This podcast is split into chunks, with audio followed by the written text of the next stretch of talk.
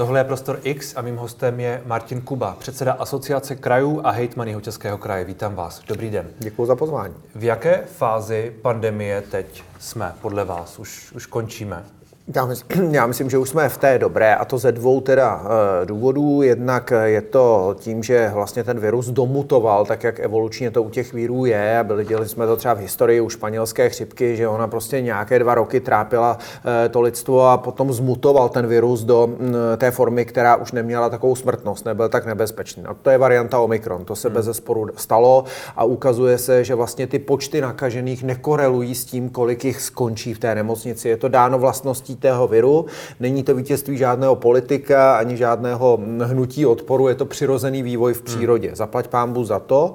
Já myslím, že v téhle té chvíli už jsme dokonce v tom, že budou klesat ty počty nakažených. Teď nám budou asi ještě chvíli třeba dobíhat počty lidí, kteří se dostanou do nemocnice, ale pak je třeba se taky vždycky podívat, v jakém stavu se dostanou do hmm. nemocnice. Pokud vám nekončí někde na jednotkách intenzivní péče, na anesteziologicko-resuscitačních odděleních, tak to není pro ty nemocnice žádná zátěž. Proto já už jsem zhruba před nějakými deseti dny vlastně říkal, že když se dívám na ta čísla, tak já už opravdu jsem byl rozhodnut, že nemá cenu pokračovat v žádných opatřeních a Nedávalo to smysl, protože jsem vždycky tvrdil, že nemá smysl se zaměřit jenom na počet prostě pozitivních, protože kdybychom si hmm. teď dneska řekli, že budeme měřit u lidí, nevím, nějaký gen, no tak najednou vyrazíme a zjistíme, že ho má spousta lidí, aniž bychom to čekali. Ale pak, pak ale opravdu sázíme na to, že ta pandemie končí. E, pak si myslím, že na to nesázíme, my to vidíme, to, to není sázka. Kdybychom vlastně to netušili, tak je to nějaká sázka. Dobře. Tohle jsou nějaká fakta, která před sebou takže, vidíme. Takže ta fakta podle vás jsou opravdu taková, že, že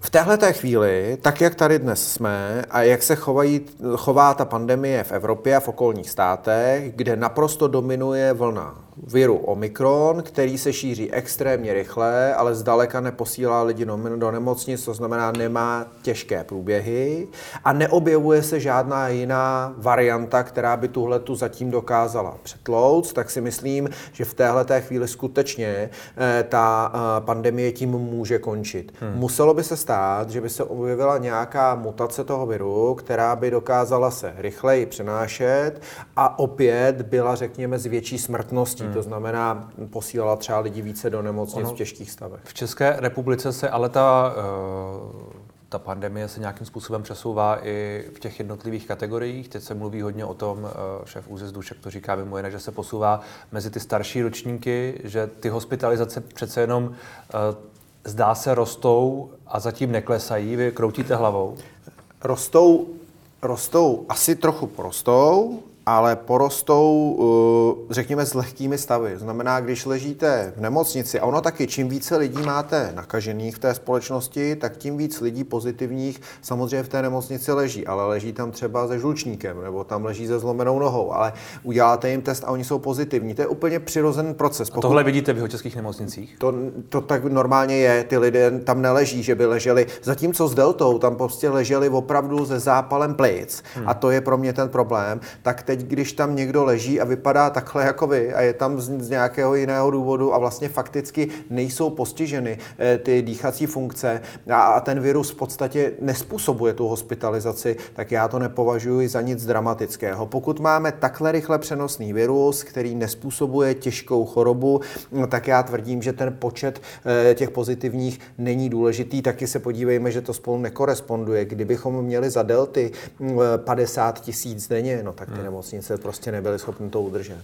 Covid pasy končí, testování ve školách a ve firmách končí eh, za několik dní, respektive je to přes příští týden také. To je podle vás tedy správně, protože vy říkáte, že žádná opatření v tuhle chvíli už smysl nemají. Je to podle mě správně, dokonce bych to udělal dřív. A, a troufnu si říct, proč je to správně.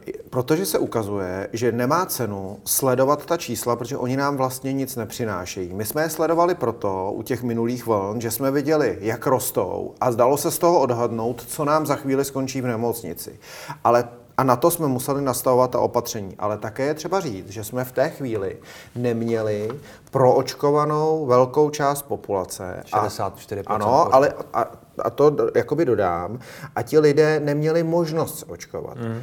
Proto ta společnost, když si vezmete, jak se postupovalo. V první vlně velká obava, pojďme ochránit seniory a pojďme ochránit náš zdravotní systém. Totiž to, co dělá ta společnost, se dá vždycky posuzovat ze dvou jako pohledů. My jsme dělali opatření, aby jsme ochránili jedince, to znamená vás, pokud jste senior a nebyla jiná možnost vás chránit, dokud nebylo očkování, tak se všichni chovali tak, aby jsme zabránili tomu, aby vy jste se nedostal do nemocnice.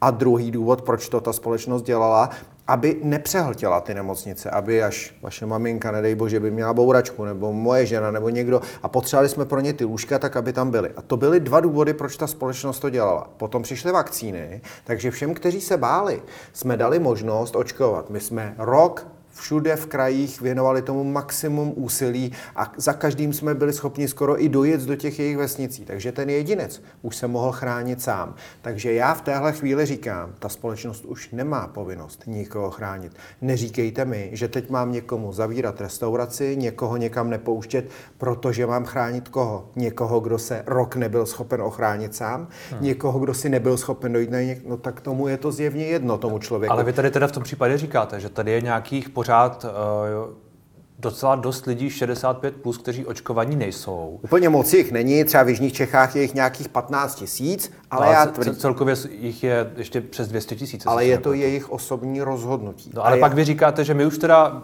už, už není na nás, abychom my se nějak omezovali. To, co jste říkal předtím. My jsme, my jsme se nějak chovali, bylo to nějaká opatření, abychom nenakazili někoho jiného. A v tuhle chvíli říkáte, já tohle to, to už není potřeba, teď už klidně někoho nakažte, protože už je to jeho a já, věc. Ne, ne. A to, já to právě ne, ano. proto jsem, no, ano, ale já jsem to vysvětlil na dvou věcech. My jsme to dělali proto, aby jsme ochránili toho jednotlivce a ten už se mohl ochránit sám.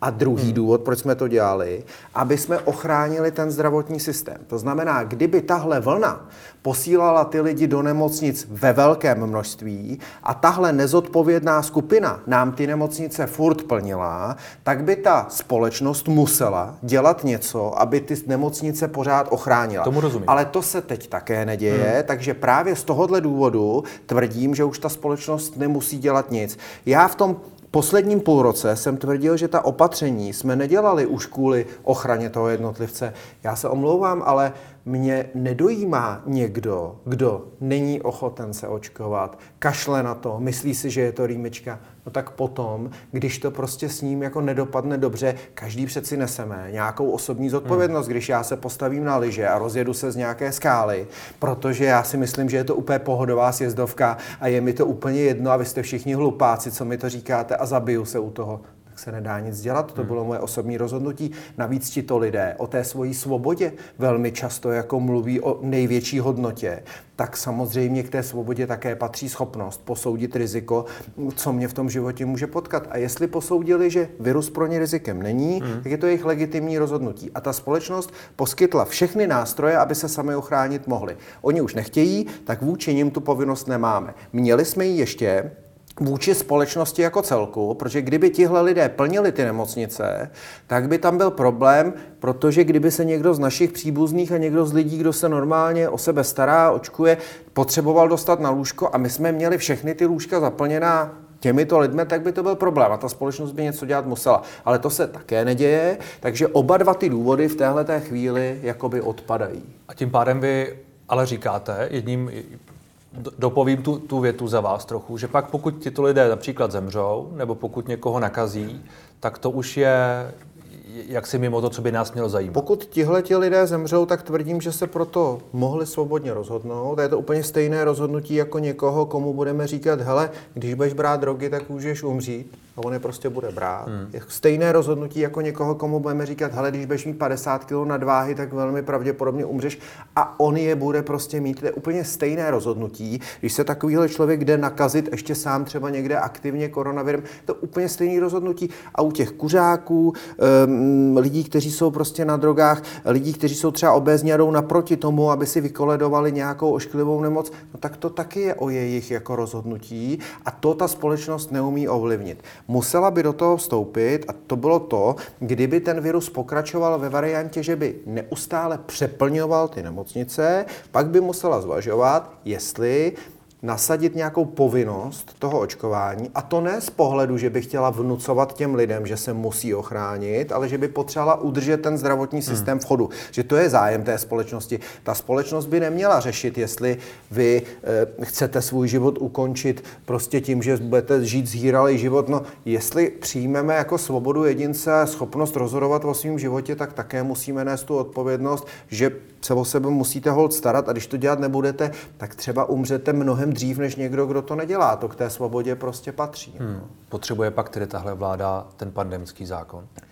No, já samozřejmě celý ten pandemický zákon považuji za strašně jako nešťastnou debatu a, a pamatuju si to, protože jsem u toho jako hejtman byl. Jsme se vlastně v loňském, a ono to bylo v tomhletom období, v loňském únoru, dostali hmm. do toho, že vlastně vláda měla nouzový stav, dělala některá opatření velmi neobratně, takže v lidech vyvolávala pocit, že to je ten nouzový stav a lidé měli pocit, že nouzový stav je zavřená hospoda a, a všechno možný. A do toho opozice, a nutno teda přiznat, že to byla naše opozice, to vzala jako vlajkovou loď a velmi významně prostě říkala lidem, že ten nouzový stav je ten problém. A vytvořil se z toho ve společnosti pocit, že problém je ten nouzový stav. My jsme se vždycky jako hejtmani snažili a snad jako, dělám to snad celou dobu, říkat, že problém není nouzový stav. Nouzový stav je nějaký právní rámec, v kterým se můžou zavádět nějaká opatření, a buď jsou to opatření dobrá nebo špatná.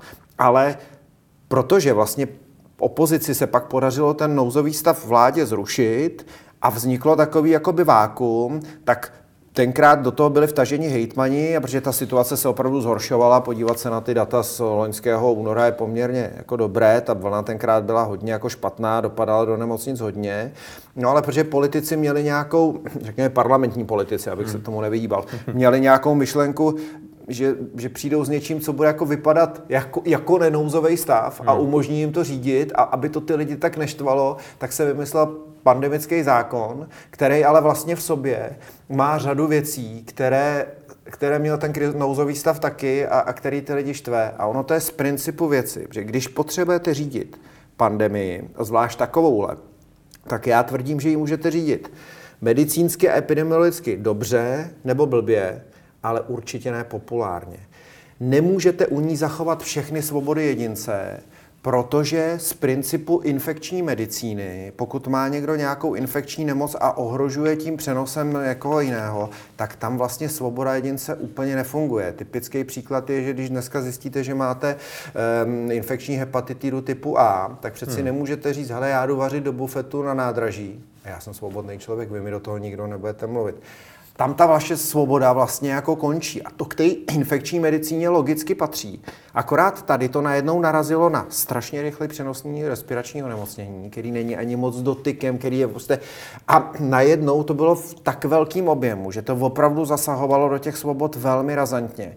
A byla to velmi nepříjemná situace. Takže v téhle chvíli si skoro myslím, že, že že stačí krizový e, zákon, který máme, Akorát si budou muset všichni jako uvědomit, že když ta situace nastane, tak se nebude vláda bát schválit nouzový stav, ale zavádět v něm opatření, která jako budou logická. No tahle vláda řekla, nebo Petr Fiala, jeho ústy opakovaně říkal už nikdy nouzový stav, takže tohle se asi bude muset... Vy, vy de facto tak trochu kritizujete, nebo asi ne tak trochu, kritizujete bývalou opozici, současnou koalici za to, jak, jak k tomu přistoupila před tím rokem, nebo asi, asi opakovaně. Já to říkám ale pořád. Já jak to se prostě stavěla k tomu nouzovému stavu velmi kriticky, jak uh, mu trošku nasazovala tu psí hlavu za, ta, za, ta různé, za ty různé obchody s testy, které vlastně jaký byly spojené s tím nouzovým stavem a za tohle všechno. Ale já to říkám pořád a myslím, že to byla chyba na obou stranách. Prostě vláda ho zneužívala a nepracovala s ním dobře, prostě dělala jako hloupá opatření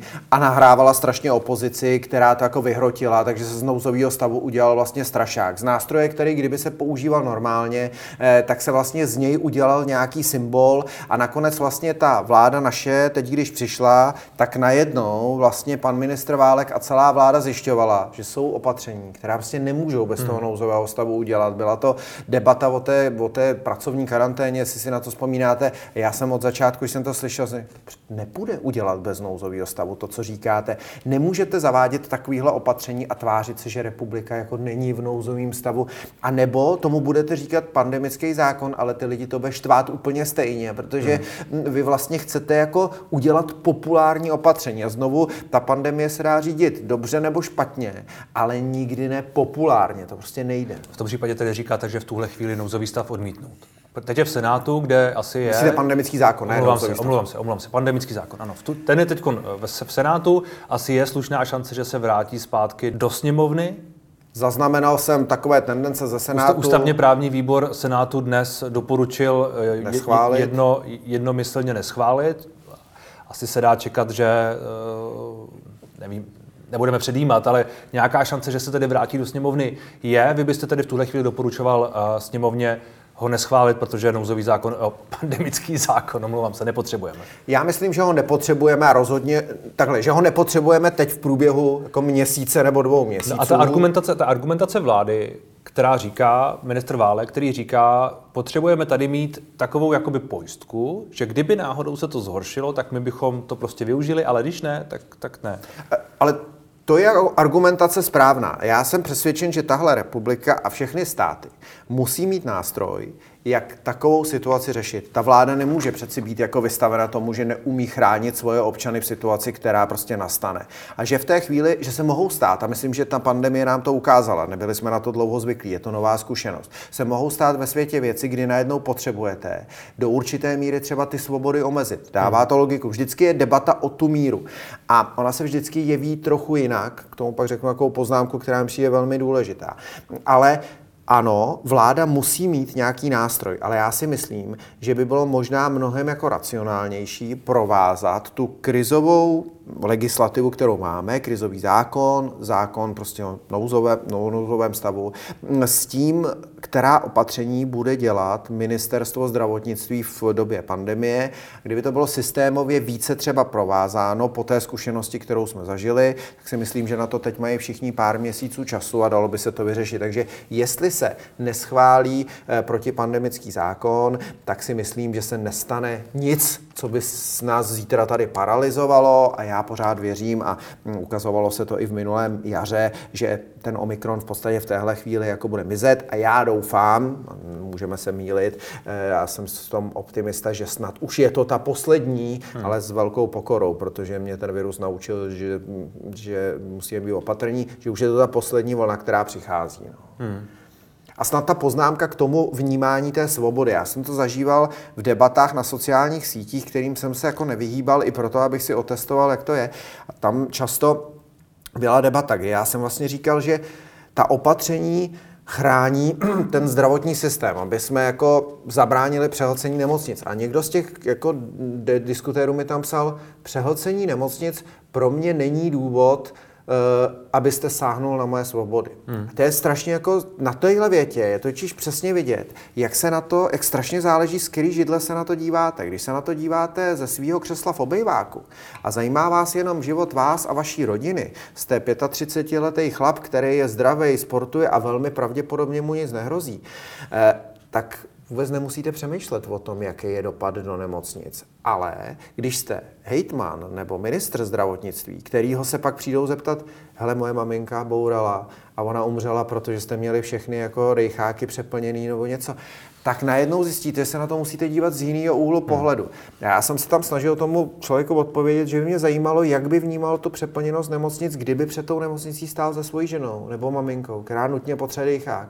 Ale ten je plný takovýchhle lidí, kteří zrovna prostě neměli pocit, že by něco měli řešit. Čili ona ta míra té svobody mm, je strašně zajímavá debata. Myslím, že ta, že ta mm, pandemie tohle v té společnosti otevřela. Do jaké míry je česká společnost s hlukem jedinců, kterým nikdo nemá do jejich života co kecat, a nebo do jaké míry je také společností, kde každý ten jedinec nese také odpovědnost za to, jak ta společnost bude fungovat. To si myslím, že je jako klíčový fenomén a, mm, a pro mě ta debata je teda někdy strašně smutná. No já si říkám, a vlastně si říkám, že není asi úplně nová, že já tyhle sentimenty a a každý si k ním asi přisadí uh, to znamenko podle svého pohledu na tu celou věc, jsou jako dlouhodobé, že to není něco, co by se teď takhle obje, objevilo, ale tak když se vrátíme zpátky k debatě o migrantech, která jako, neříkám, že to je to samé, ale v přístupu to vlastně je trochu podobné, Tak možná, možná to je vlastně jiný odstín podobné debaty, která, když se vrátíme ještě možná do 90. let, taky nejdeme v jiných, v jiných aspektech. Ne, neumím uh, nějak korelovat s, s debatou o migrantech, eh, která si myslím, že má zase řadu jiných atributů. Ne, určitě, je to, je to úplně jiná debata. Jenom a... říkám, že ten přístup některých lidí může být podobný a postavený na podobných ano, sentimentech. Ano. Ta, ta zvláštnost toho, že vlastně já jsem jako jedinec a, a mě, my vlastně nemáte cokoliv vůbec jako říkat, ten já potom i stavím do té paralely, tak já mám teď infekční hepatitidu A a já prostě půjdu kam chci hmm. a já budu vařit v té kuchyni a vy mi do toho jako nikdo nebudete mluvit mluvit. Ta neochota vlastně přiznat si, že jsem součástí společnosti, která opravdu jako v jednu chvíli nese ty náklady, protože já si myslím, že my trošku jak, jako Češi taky nejsou zvyklí úplně jako cestovat nebo žít v jiných jako státech, tak ne vždycky doceníme třeba, jak kvalitní zdravotní systém tady hmm. máme, s jakými vlastně minimálními náklady, protože někdo řekne, já platím celý život, tak si spočítejte, kolik za celý život zaplatíte tu absolutní hodnotu. A ona není úplně veliká na toho jednotlivce, ale ten člověk u nás prostě dostane bypassy, dostane kyčel. Ta péče, kterou vlastně každý dostává, je nutno říct, že vlastně není jako já jsem si to zaplatil, tak mi to hmm. dejte, ale ono v nějaké nešťastné chvíli se vám něco přihodí a vy můžete během týdne na lůžku anesteziologicko-resuscitačním vyčerpat v podstatě to, co jste platil celý život. A jsou taky státy, kde se vás pak přijdou zeptat, helejte, jak to budeme od pondělka dělat, protože váš účet už je pryč. Hmm. Tohle se v České republice nikomu nestane. Ta péče je opravdu kvalitní, ale je taky daná tím, že řada lidí eh, tu péči jakoby nečerpá. Takže to podle mého i dobře a legitimně otevřelo debatu, jestli náhodou by to pojištění v sobě taky nemělo zahrnovat to, jak se o sebe starám, protože v hmm. téhle chvíli je to vlastně nějaká daň, kdy se peníze nasypou. Aby na tam byly peníze. nějaké bonusy nebo byly, No, aby tam byly třeba nějaký bonusy, protože je nutno říct a ty argumenty těch lidí, kteří říkali, ale já sportuju, nemám hmm. nadváhu, moje riziko, že skončím na tom lůžku resuscitačním je mnohem menší a to je pravda. Byť samozřejmě ten virus tam uměl poslat i hubený, ale pak když jste to vzal v procentu, tak to bylo menší. Tak byl legitimní jako dotaz, proč já třeba náhodou nemám být zvýhodněn a myslím si, že tohle otevírá na jednou debatu, jestli by neměly být zvýhodněno to, že se staráte o sebe, že procházíte a podle preventivní vás vyšetření. Podle vás by, by. Podle, podle mě ano, protože si myslím, že pak se dostáváme do té situace, že tu sbíráme víčka na nějaké vozíky pro děti, na hmm. věci, které jsou opravdu potřeba, ale vyčerpávají se ty peníze jako na strašný nesmysly. Já jsem jezdil 10 let záchranou službu vím, k jakým výjezdům prostě jakoby jezdíme, jak jsme zvyklí nadužívat ten systém a vlastně máme pocit, že je to normální. Kdybychom takhle byli třeba v Anglii nebo ve Spojených státech, tak by řada rodin zjistila, že by musela přemýšlet, jestli hmm. si vybere tu operaci nebo něco jiného. No, ale Čili v tom se tady máme by, opravdu což by, dobře. Což by, což by ale bylo taky jako negativní, že jo? To by, nebylo, to by nebyla, ne, to by vůbec to by nebyla ne. pozitivní zkušenost Ako, pro akorát, to, to určitě ne. Akorát tady si myslím, že se ukazuje, že nám vlastně chybí korelace těch lidí, že vlastně máme všichni pocit, že to je úplně normální. Hmm. Já si to platím, tak mi to dejte. A proti tomu nestojí vlastně ten účet, který jako čerpáte. A, a to riziko, e, že se někdo prostě na to lůžko anesteziologicko-resuscitační dostane a tam opravdu ten jeden den, když dostanete blbý antibiotika, potom nějaký zánět prostě do kostí, může být jako velmi, tam to může být taky o stovkách tisíc a najednou zjistíte, že jo, já si to teda platím celý život, ale on je to za pět dní prostě v tahu a ta hmm. společnost vás stejně jako jako nevyhodí, o všechny se jako postará. Kdybychom důsledně dodržovali vlastně to, co chtěli ti lidé, kteří říkali, to je moje svoboda, vy mi do ní nemáte co kecat. Pak bychom teda taky vlastně se museli stát společností, která nechá někoho před nemocnicí a řekne mu, hele, my už se ale o tebe jako nepostaráme, protože vlastně na to jako nemáme. Uh, už, a to my nejsme, my se hmm. prostě o všechny ty lidi postaráme, i když tu prevenci ignorujou. Ten systém je opravdu tak nastavený, že poskytuje velmi kvalitní jako péči všem. No. Hmm. Zlep, a to je dobře. Teda. Zlepšila se podle vás komunikace téhle vlády, když se bavíme o tom, co možná ta současná koalice vyčítala té minulé koalici, tak ta špatná komunikace a ta špatná očkovací kampaň a tohle všechno toho zaznívalo velmi často, bylo to velmi hlasité a velmi silné. Já e, vlastně přemýšlím, jestli za ten, je to pravda, je to teprve měsíc nebo měsíc a půl té vlády, ale těch, těch různých jako přemetů a uh, okolo těch opatření se zdá, že ani nejde moc dobře komunikovat. Očkovací kampaň, nevím, jestli nějaká jede, nicméně čísla očkování, jak vy sám asi víte, se limitně blíží Nule. Daří se to?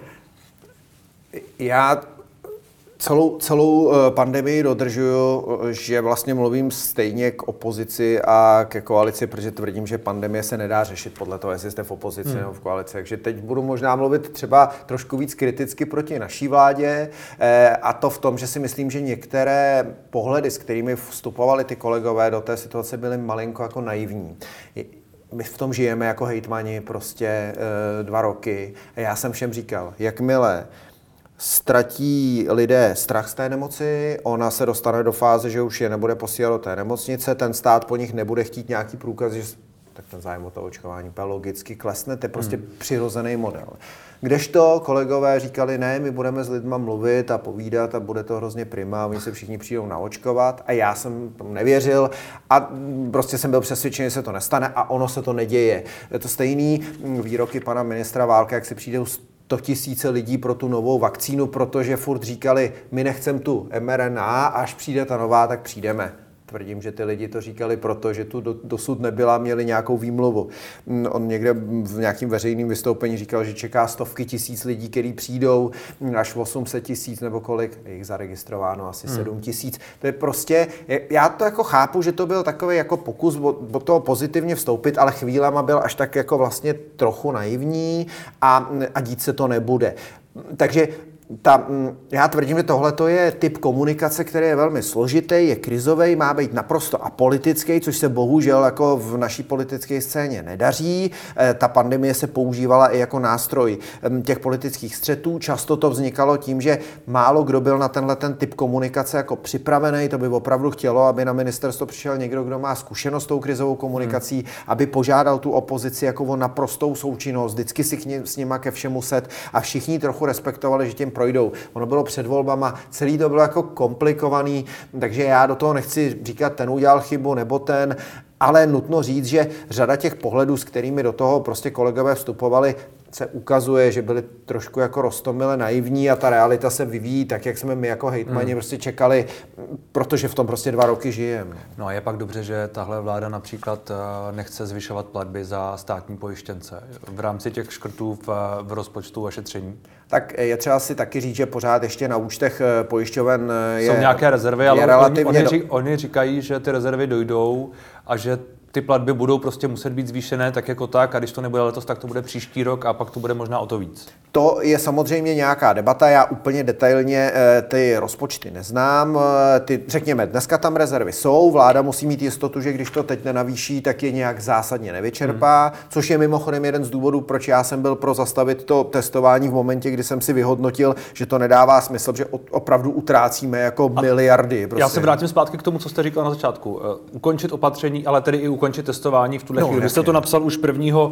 února, jestli se nepletu, to znamená teď jakékoliv testování, jakékoliv plošné testování asi je nesmysl. Nesmysl, to číslo vám nic neříká, hmm. vy ho k něčemu nepotřebujete. A, podstatě... a když se vrátíme zpátky k těm, k těm uh, platbám za státní pojištěnce? Uh, Znovu, vláda nastoupila do situace, kdy potřebuje krotit veřejné rozpočty. Já tomu plně rozumím, respektuju to, nesedím u toho, takže já v téhle chvíli neumím rozebrat, jaký to bude mít dopad. Předpokládám, že pan minister Staňura a Petr Fiala jako premiér, když to dělají, tak si o tom popovídali s šéfem VZP a ostatních pojišťoven a mají nějakou představu, jak se to udělá. Nemyslím si, že by to v příštím roce mělo nějak zásadně omezit eh, zdravotní péči nebo jakkoliv ohrozit vlastně to čerpání těch peněz v té zdravotní péči. My potřebujeme s vládou se domluvit na určité změně trochu financování třeba záchranných služeb, což nám přislíbili, to je pro mě důležité eh, jako hejtmana. A znovu nesedím ve vládě, neznám ten detail. Nemyslím si, že by to teď mělo být něco, co zdravotnictví ohrožuje a jak to bude za rok nebo za dva, to je opravdu na, hmm. na ministrech. Já fakt si ne, nemám k tomu ten detailní vhled. No. Říká hejtman Martin Kuba. Děkuji za rozhovor. Taky děkuji.